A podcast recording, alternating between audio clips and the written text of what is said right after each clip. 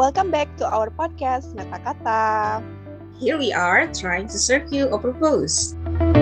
Yeay, kita ketemu lagi, tapi sekarang kita berada di sesi yang berbeda, movie, Movie talk. talk. Sekarang movie talk yang kedua berarti nih ya, movie talk Betul yang kedua. banget. Aku interest banget sih sama movie talk yang ini, karena movie talk yang ini kita bakal ngebicarain tentang animasi.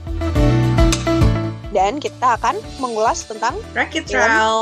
One and two. Kayaknya juga listeners juga udah mungkin ada beberapa yang nonton ya. Sekarang aku mau tanya dulu kalau di antara ke satu sama kedua kamu lebih suka yang mana? Aku prefer satu sih. Yang pertama itu kayak gimana? Ya, jadi pertama terkait dengan gambaran umum filmnya dulu ya, uh, listener. Jadi Wreck-It Ralph ini itu adalah salah satu film komedi 3D berbasis animasi komputer yang diproduksi oleh Walt Disney Animation Studios. Buat anak-anak generasi 90-an mungkin familiar sama salah satu game yang di dalamnya ada Ralph salah satunya gitu, Fix It Felix. Tapi Iya, menariknya film ini tidak menggunakan sudut pandangnya si apa ibaratnya kayak pemeran protagonis dari si game itu Hmm. tetapi justru menggunakan sudut pandangnya si Ralph yang memang di sana dia berperan sebagai enemy-nya si Felix Iya. rusak ngerusakin terus kemudian Ya kerjaannya yang- tuh ngerusakin ya. iya benar kan kan ini ya maksudnya it's, it's kinda unik karena kita cenderung tertarik untuk mengangkat suatu kisah yang kemudian itu dari perspektif yang kemudian baik-baik saja begitu padahal dunia tidak sesederhana itu teman-teman Mm-mm. listener Nah, Iya. kemudian eh, ini adalah cerita animasi ke-52 dari seri unggulan animasi Disney dan film ini disutradarai oleh Rich Moore eh, yang juga menyutradarai film yang terkenal itu The Simpsons dan Futurama. Filmnya sendiri untuk yang pertama rilis di bioskop tahun 2012 kemarin.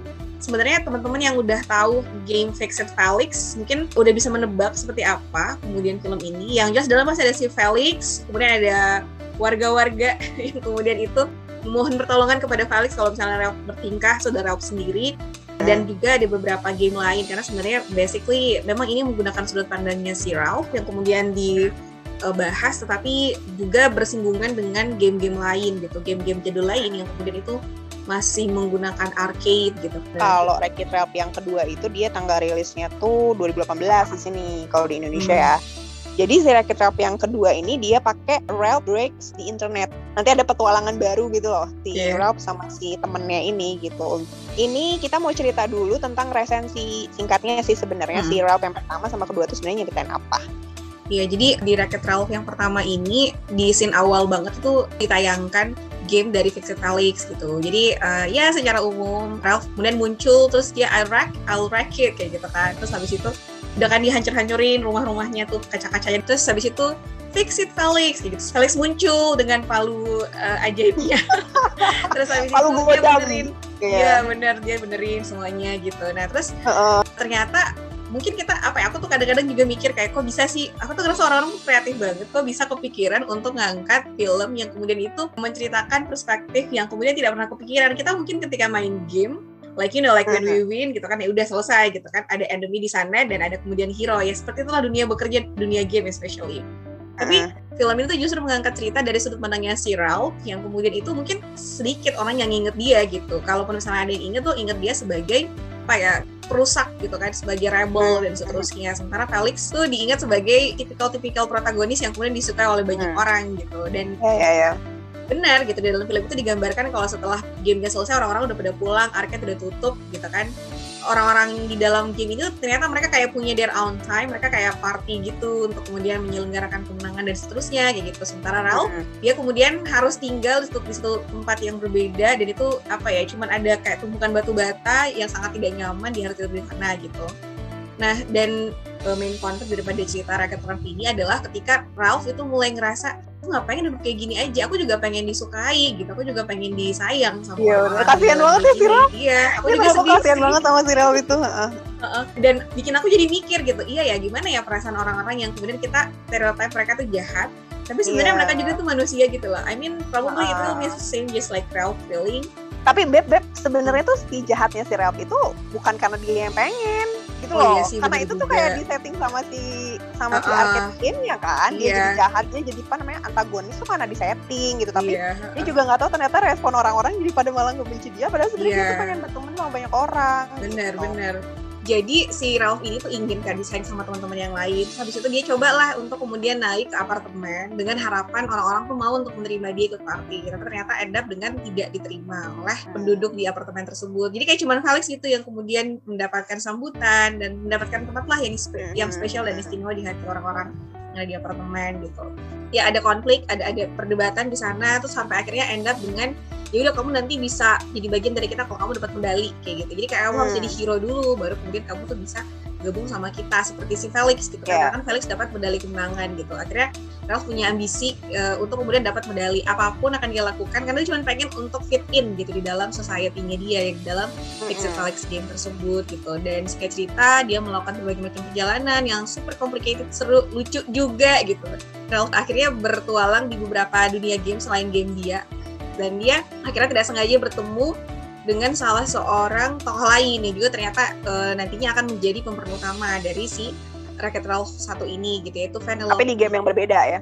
Ya, tapi di game yang berbeda yaitu Sugar Rush. uh, uh, dan dan apa Vanellope ini ternyata dia juga punya konflik yaitu dia kemudian diasingkan gitu. Jadi ibaratnya ketemulah dia sama orang yang kemudian tuh punya nasib yang sama dan akhirnya mereka saling menolong untuk kemudian membuat Vanellope ini bisa kembali mendapatkan tempatnya sebagai seorang uh, pembalap, salah satu pembalap di Sugar Rush gitu. Dan cerita, uh, di sanalah kemudian akhirnya tumbuh rasa persahabatan di antara mereka. Film ini berakhir bahagia sebenarnya karena Vanellope ternyata adalah seorang princess di Sugar Rush dan ya Vanellope mendapatkan kembali haknya tentu atas bantuan Ralph dan kemudian Ralph akhirnya uh, bisa menyelesaikan ke- kesalahpahaman yang dia sebabkan dan kemudian akhirnya uh, bisa bersama-sama. Ternyata ketika Ralph ini pergi, orang-orang jadi pada sadar gitu bahwa ternyata Ralph itu jahat bener gitu. Jadi saat sebagai orang yang jahat, tapi tanpa orang seperti dia nggak ada yang berjalan gitu. Di situ mereka mulai menyadari bahwa ya Ralph ini ternyata penting gitu dan Felix kemudian mencari Ralph dan sampai akhirnya kemudian Ya. berhasil bertemu dengan Ralph membawa dia pulang kembali and there you go a happy ending hal yang baru adalah Ralph sekarang punya teman baru namanya Vanellope dan mereka end up jadi best friend gitu.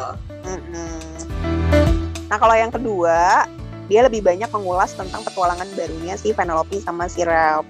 Tapi dalam konteks yang beda. Kalau sebelumnya itu adalah konfliknya tetap masih di game era 90-an. Kalau sekarang Iya. tuh mereka masuk ke game baru gitu yang kemudian di situ harus bersentuhan dengan internet kayak gitu yang which is itu sebenarnya sesuatu yang asing banget kan berarti buat mereka ya. Karena mereka nggak ini nggak sama sekali expect gitu bisa ada di situ. Nah cuman kenapa mereka bisa ada di situ tuh awalnya adalah karena kan si Pen- Penelope kan kembali menjadi princess kan dan dia selalu menjadi winner lah di dalam Iya. si game Sugar Rush itu gitu terus si Ralph juga akhirnya kan dia karena dia udah bersahabat sama si Penelope ya udah akhirnya dia sama si Penelope lah gabung gitu kan di Sugar, Rush gitu Mhm. nah cuman Penelope itu kayak ngerasa apa namanya ya gitu-gitu aja gitu hidup kayak gitu kan setelah dia Iya, udah boring boring kembali nggak nge-glitch, uh-uh, kembali nggak nge-glitch lagi, terus dia selalu jadi winner tuh kayak jadi boring gitu kan, semuanya tuh kayak terkesan boring, terus akhirnya si Rap ini karena ngelihat si Penelope kayak gitu tuh jadi dia mau bantu lah gitu supaya kemudian si Penelope itu bisa ngerasa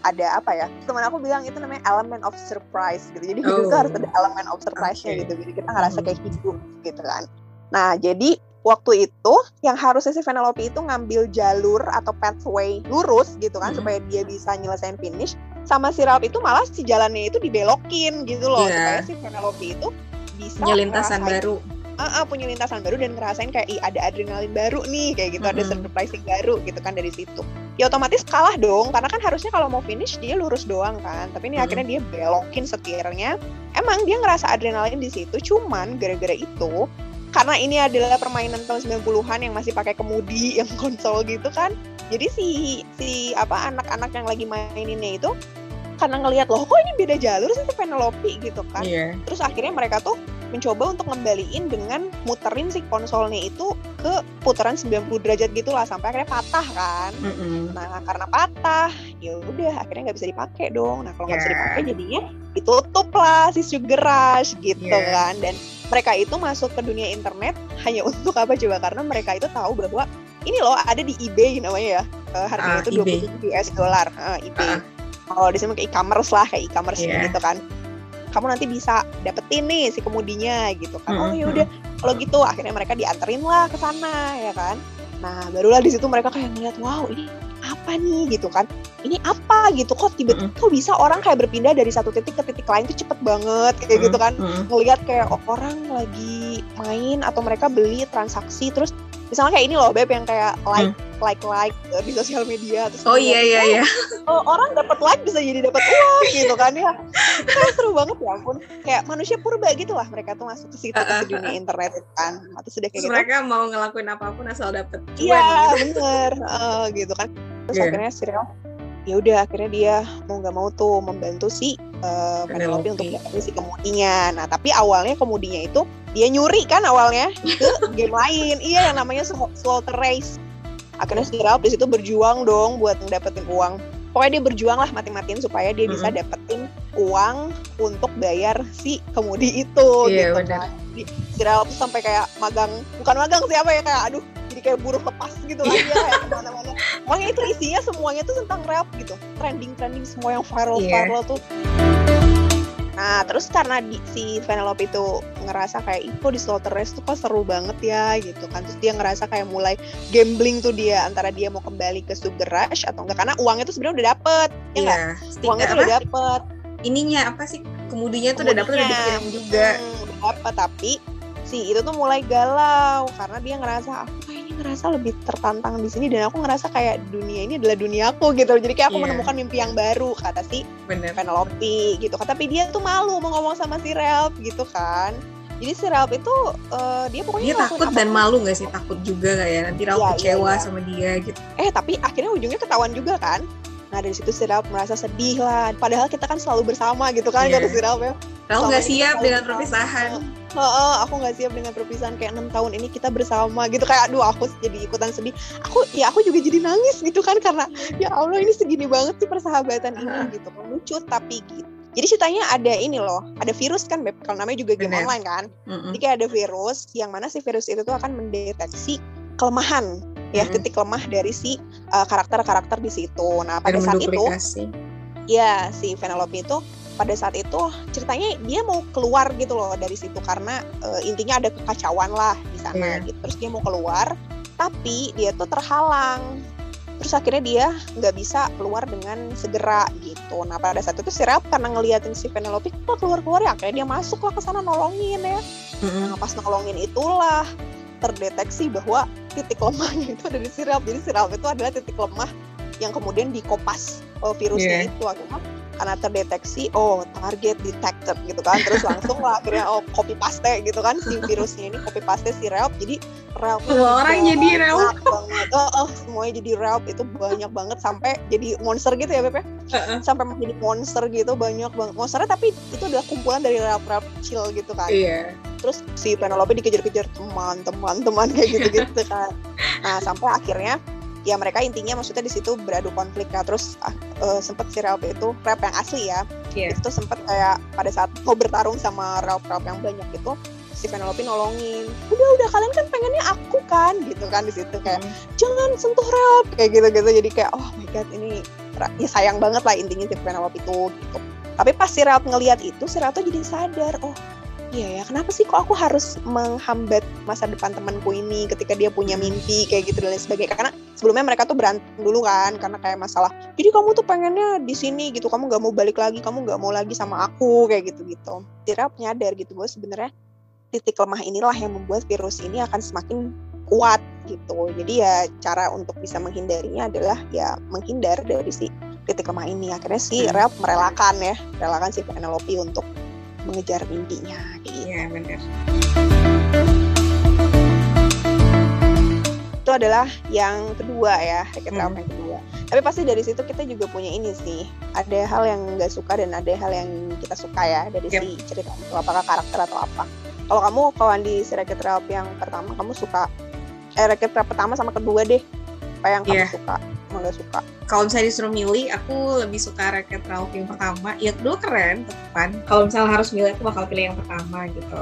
Karena di dalam film itu tuh menyampaikan pesan-pesan yang menurut aku meaningful. Seperti misalnya ketika Ralph itu mulai akhirnya memutuskan untuk bergabung dengan komplotan penjahat-penjahat di game-game arcade.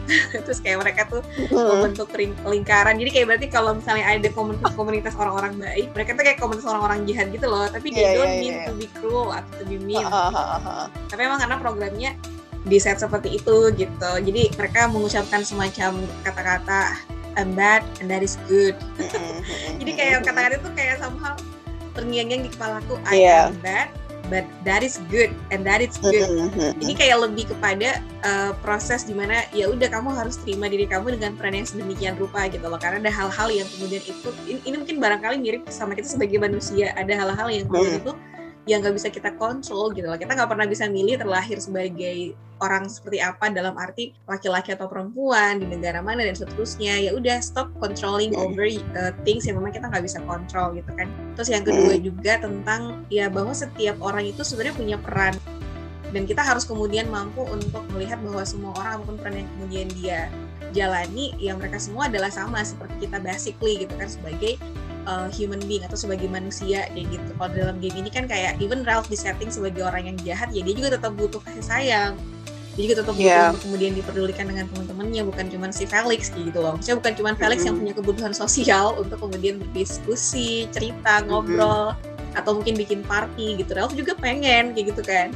Nah, cuman baiknya adalah di dalam game ini ketika kemudian Ralph akhirnya hilang mereka baru sadar gitu dan itu hal ketiga sih aku jadi rasa ternyata ketika kemudian kita kehilangan sesuatu kita kayak baru sadar kalau hal itu tuh penting gitu jadi kita tuh kadang-kadang tidak merasa sesuatu itu penting banget sampai kita hmm. kehilangan sesuatu tersebut gitu jadi emang membangun hmm. kesadaran terkait dengan apa ya kesadaran serta kesyukuran terkait dengan apa hal-hal yang kita punya itu penting banget sih. Yang keempat itu terkait dengan rasa percaya begitu. Hubungkan antara Ralph dan Penelope itu menurutku yang bikin kemudian mereka itu akhirnya bisa stay together itu adalah rasa percaya sih. Jadi ya sekalipun Ralph sempat goyah gitu kan setelah kemudian dipengaruhi sama King Candy tapi akhirnya setelah kemudian melihat tekad Penelope dan kemudian ya melakukan beberapa kontemplasi lah dengan dirinya sendiri dan akhirnya kemudian dia tahu bahwa oh ini sebenarnya salah sih. Aku tidak tepat misalnya menghalang-halangi Penelope dari mimpinya gitu dan akhirnya dia uh, minta maaf dan kemudian mereka membangun kembali hubungan mereka gitu rasa saling percaya itu adalah suatu hal yang perlu mesti kudu wajib ada di dalam sebuah hubungan especially ketika itu adalah hubungan yang sifatnya itu intens seperti ya Penelope dan Ralph ini gitu. So those are things yang menurut aku tuh menarik dari Racket Ralph satu kenapa aku suka. Nah, kemudian kenapa aku nggak begitu suka sama Racket Ralph kedua? Sebenarnya ada satu alasan aja sih. Jadi aku tuh ngerasa di Racket Ralph 2 berhubung si Penelope ini pengen tetap stay di Slaughter, hmm, Race. Race. Aku cuman kayak ngerasa Penelope itu ibaratnya kayak Ralph tuh ngebantuin dia buat menjelajah internet biar mereka tuh bisa pulang dengan membawa apa sih kayak setir gitu kan kendali di arcade yang kemudian bisa tetap membuat gamenya Penelope itu berjalan tapi Penelope end up dengan uh, ini pengen lebih gitu. Jadi kayak aku ngerasa si Penelope ini sepertinya tidak menerima takdir dirinya sebagai bagian daripada game Sugar Rush dan malah memilih untuk stay di Slaughter Race. Aku cuman kayak ngerasa itu adalah bentuk daripada ya yeah, well we can say that like a selfish thing like egoisme. Cuman baiknya adalah mm-hmm. Ralph menerima itu gitu. Jadi Ralph menerima Penelope seperti apa dia dan Ralph itu belajar untuk mengikhlaskan bahwa ya ada hal-hal yang harus kita lepaskan dalam kehidupan. Kita nggak bisa nge-grab semua thing yang pun kita inginkan gitu. So that's it. What about you? Kalau aku aku sebenarnya lebih suka yang kedua kan seperti yang tadi aku bilang. Yeah. nah sebenarnya kalau kenapa kemudian aku nggak suka sama yang pertama sebenarnya klasik sih. Karena mungkin di situ kayak nggak ada konflik yang bener-bener menonjol gitu loh yang aku yeah. lihat. Kalau misalnya di compare sama yang kedua gitu. Kalau yang di kedua kan kayak konfliknya tuh ada banget kan di sana. Jadi kayak ibaratnya persahabatan antara si Ralph sama si Penelope itu diuji gitulah sama hmm. si kondisi yang mereka lakukan bareng-bareng. Nah mereka bisa nggak itu ngelakuinnya bareng-bareng atau mereka kayak ya udahlah putusan kita adalah ya udah kita break up aja kita nggak usah jadi teman lagi kayak gitu kan. Hmm. Tapi kan ternyata mereka bisa untuk ngehandle situasi itu kan dan memang karena mereka berdua sama-sama sayang gitu kan satu sama lain. Nah sementara kalau di pertama tuh aku nggak nemuin hal itu gitu hal yang bikin aku suka sama yang kedua gitu. Pertama yang paling ringan adalah uh, aku di situ suka salah satu tokoh gitu yang menurut aku itu karakternya kuat sih. Tapi emang mungkin karena ini preferensial banget ya. Jadi kayak aku memang orangnya tuh kayak suka orang-orang yang punya karakter yang kuat gitu kan. Bukan dominan juga tapi maksudnya dia karakternya kuat gitu loh Beb. Ngerti kan Rel kan kuat.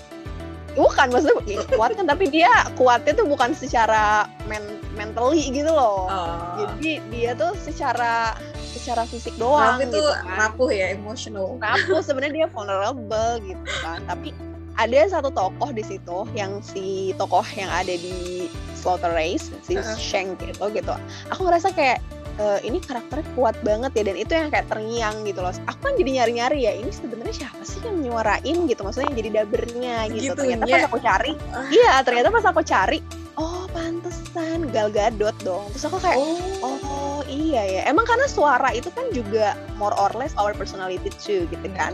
Itu yang pertama. Yang kedua adalah kebesaran hatinya si Ralph sih di situ. Benar Jadi aku sebenarnya memang nggak suka sama si Penelope yang ya tadi ya mungkin terlalu selfish gitu kan. Tapi ya setiap orang sebenarnya punya hak untuk bisa apa untuk bisa nge-reach mimpinya.